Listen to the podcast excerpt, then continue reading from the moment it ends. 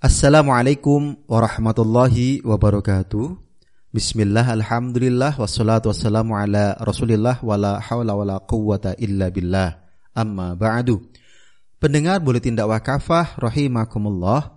Alhamdulillah kembali hadir di tengah-tengah Anda semua, boleh tindak wakafah. Kali ini edisi 245. 3 Zulqa'dah 1443 Hijriah, 3 Juni 2022 Masehi. Kali ini akan mengangkat tema kezaliman wajib ditumbangkan. Bismillahirrahmanirrahim.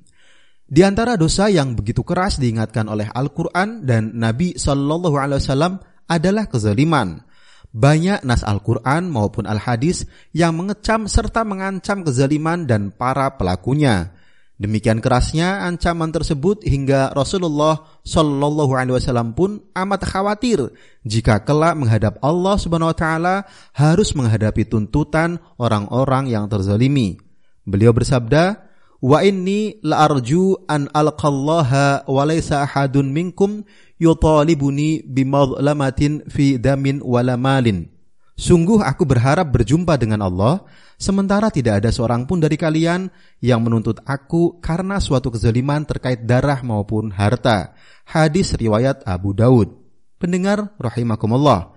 Kezaliman adalah dosa besar. Imam Al-Jurjani dalam kitabnya At-Ta'rifat menyebutkan bahwa arti zalim adalah menyimpang dari kebenaran menuju pada kebatilan. Kezaliman merupakan kejahatan. Di dalam Al-Quran, terdapat banyak ayat yang mengingatkan kerasnya ancaman Allah Subhanahu wa taala terhadap pelaku kezaliman. Di antaranya dalam Quran surah An-Nahl ayat 61. A'udzu billahi minasyaitonir rajim. Bismillahirrahmanirrahim. Walau yu'akhidullahu an-nasa bidzulmihim ma taraka 'alaiha min dabbatin walakin yu'akhiruhum ila ajalin musamma faida jaa ajaluhum la yastakhiruna sa'atan wa la. Andai Allah menghukum manusia karena kezalimannya, niscaya dia tidak akan meninggalkan di muka bumi satu makhluk melata pun. Namun Allah menangguhkan mereka sampai pada waktu yang ditentukan. Lalu jika telah tiba waktunya yang telah ditentukan bagi mereka, tidaklah mereka dapat mengundurkannya sesaat pun dan tidak pula mendahulukannya. Allah Subhanahu wa taala bahkan telah mengharamkan atau menafikan kezaliman atas dirinya sendiri.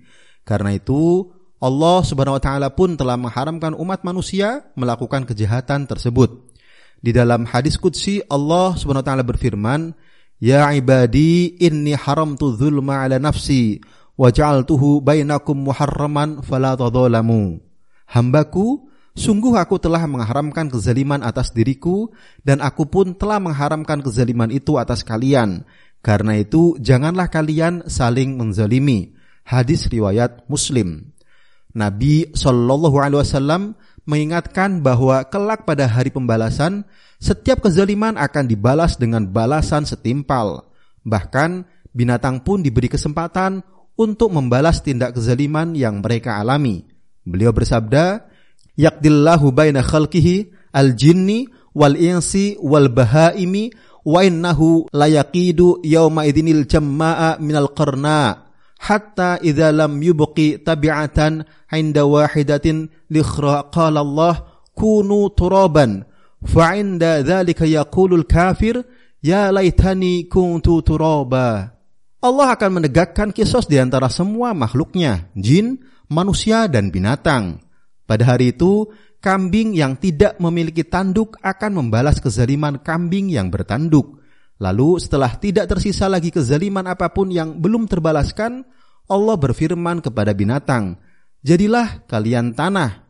Pada saat itulah orang kafir berkata, Andai saja aku pun menjadi tanah. Hadis riwayat Ibnu Jarir. Di antara kezaliman yang begitu keras diingatkan oleh syariah adalah kezaliman yang dilakukan penguasa terhadap rakyatnya. Hal ini terjadi saat para penguasa tidak mengurus rakyat dengan syariah Allah Subhanahu wa taala, tidak menunaikan hak-hak mereka, malah justru menipu dan merampas hak-hak mereka.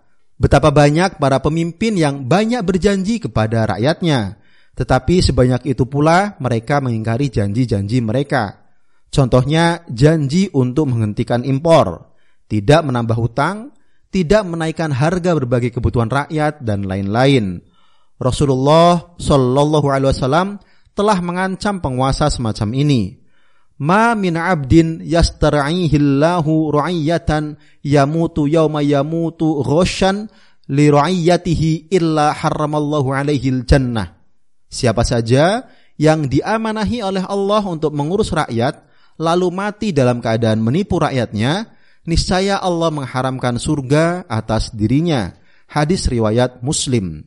Ironinya, berbagai kebutuhan rakyat seperti listrik, gas, BBM yang hakikatnya dalam Islam adalah milik rakyat diperjualbelikan kepada rakyat dengan harga yang terus-menerus naik.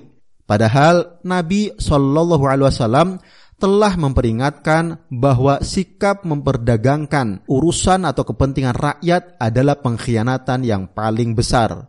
Beliau bersabda, "Inna min akhwanil hiyanah tijaratil wali fi. Sungguh pengkhianatan paling besar adalah saat penguasa memperdagangkan urusan atau kepentingan rakyatnya. Hadis riwayat Abu Nuaim. Pendengar rahimakumullah. Haram mendiamkan kemungkaran. Bukan hanya kezaliman yang haram, sikap mendiamkan kezaliman juga merupakan kemungkaran. Kaum muslim telah diperintahkan untuk melawan kezaliman, bukan berdiam diri, apalagi bersekutu dengan pelaku kezaliman. Umat muslim bukanlah kaum Bani Israel yang biasa mendiamkan kemungkaran hingga mendapatkan laknat para nabi. Bisa dilihat di Quran surah Al-Maidah ayat 78 sampai 79. Kaum muslim justru memiliki predikat sebagai umat terbaik karena memiliki tabiat gemar melakukan amar ma'ruf nahi mungkar. Jika tabiat itu hilang, hilang pula status mereka sebagai umat terbaik. Allah SWT berfirman dalam Quran surah Ali Imran ayat 110. A'udzu. Bismillahirrahmanirrahim. Kuntum khaira ummatin ukhrijat lin-nasi ta'muruna bil ma'rufi wa tanhauna 'anil munkari wa tu'minuna billah. Kalian umat Islam adalah umat terbaik yang dilahirkan untuk manusia karena kalian melakukan amar ma'ruf nahi mungkar dan beriman kepada Allah. Ada sejumlah sikap yang harus dilakukan umat saat menghadapi kezaliman sesuai dengan tuntunan ajaran Islam. Pertama, beramar ma'ruf nahi mungkar. Rasulullah Shallallahu alaihi wasallam mengingatkan kaum muslim akan dampak membiarkan kemungkaran, yakni Allah SWT akan meratakan azabnya kepada mereka. Sabda beliau, ma min rajulin yakunu fi qaumin yu'malu fihim bil ma'asi yaqdiruna ala ay yughayyiru alaihi fala yughayyiru illa asabahumullahu bi'adabin min qabli ay yamutu Tidaklah seseorang berada di tengah-tengah suatu kaum yang di dalamnya dilakukan suatu kemaksiatan yang mampu mereka ubah, tetapi mereka tidak mengubah kemaksiatan tersebut. Niscaya Allah akan menimpakan siksanya kepada mereka sebelum mereka mati. Hadis riwayat Abu Dawud. Hadis ini menegur dengan keras sikap sebagian orang yang memilih mendiamkan kemungkaran dengan berbagai alasan, seperti wajib taat kepada ulil amri atau ikhlas menerima takdir Allah. Sikap seperti itulah yang justru menyebabkan Allah SWT meratakan azabnya hingga membinasakan umat manusia. Amar ma'ruf nahi mungkar di hadapan penguasa zalim dipuji oleh Nabi Shallallahu Alaihi Wasallam sebagai jihad yang paling utama.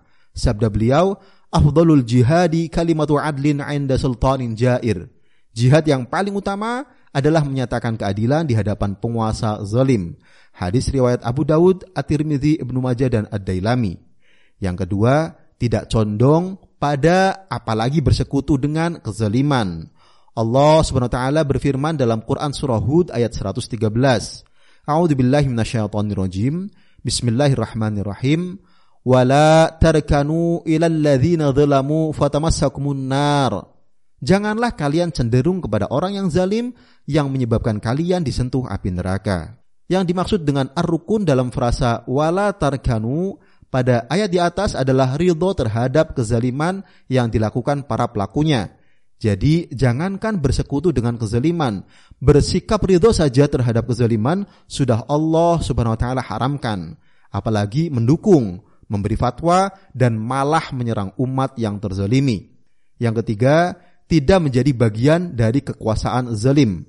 Rasulullah Shallallahu alaihi wasallam bersabda, "Yakunu fi akhir zamani umara'u dhulamatun wa wuzara'u fasaqatun wa qudatun khawanatun wa fuqaha'u kadzabatun." Faman adraka minkum dzalika zamana fala yakunanna lahum jabiyan wala arifan wala syurtiyan. Akan ada pada akhir zaman para penguasa zalim, para pembantu atau pejabat pemerintah fasik, para hakim pengkhianat dan para ahli hukum Islam pendusta. Siapa saja di antara kalian yang mendapati zaman itu, janganlah kalian menjadi pemungut cukai, tangan kanan penguasa dan polisi. Hadis riwayat atau berani. Yang keempat, mendoakan pelaku kezaliman agar mendapat keburukan sebagai balasan atas sikap-sikap mereka. Nabi Shallallahu Alaihi Wasallam pun mendoakan mereka, Allahumma man waliya min amri ummati syai'an fashaqqa alaihim fashquq alaih wa man waliya min amri ummati syai'an farafaqa bihim farfuq bih. Ya Allah, siapa saja yang mengurusi urusan umatku lalu dia menyusahkan mereka maka susahkanlah dia. Siapa saja yang mengurusi urusan umatku, lalu dia menyayangi mereka, maka sayangilah dia. Hadis riwayat Muslim. Doa yang mengandung keburukan pada hakikatnya adalah terlarang, kecuali doa orang-orang terzalimi atas para pelaku kezaliman. Bisa dilihat di Quran Surah An-Nisa ayat 148. Hal ini sejalan dengan peringatan yang disampaikan Nabi Shallallahu Alaihi Wasallam agar mewaspadai doa orang yang terzalimi lantaran cepat dikabulkan oleh Allah Subhanahu wa taala.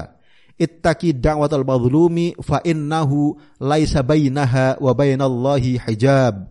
Takutlah kalian terhadap doa orang-orang yang terzalimi karena tidak ada hijab antara doanya dan Allah atau doanya pasti dikabulkan. Hadis riwayat Muslim. Wahai kaum muslim, anda adalah umat terbaik yang sejatinya senantiasa melakukan amar ma'ruf nahi mungkar. Jangan sampai pujian dari Allah SWT ini hilang dengan sikap Anda yang berdiam diri terhadap kezaliman, khususnya kezaliman yang dilakukan penguasa. Apakah Anda rela jika Allah SWT justru akan mendatangkan siksa dan bencana disebabkan sikap Anda yang membisu bahkan ridho terhadap segala kemungkaran? Tumbangkanlah kezaliman ubahlah segala bentuk kemungkaran menuju tegaknya syariat Islam dalam institusi khilafah ala minhajin nubuwah. Wallahu alam biswab. Demikian materi buletin dakwah kafah edisi 245. Kezaliman wajib ditumbangkan. Terima kasih. Wassalamualaikum warahmatullahi wabarakatuh.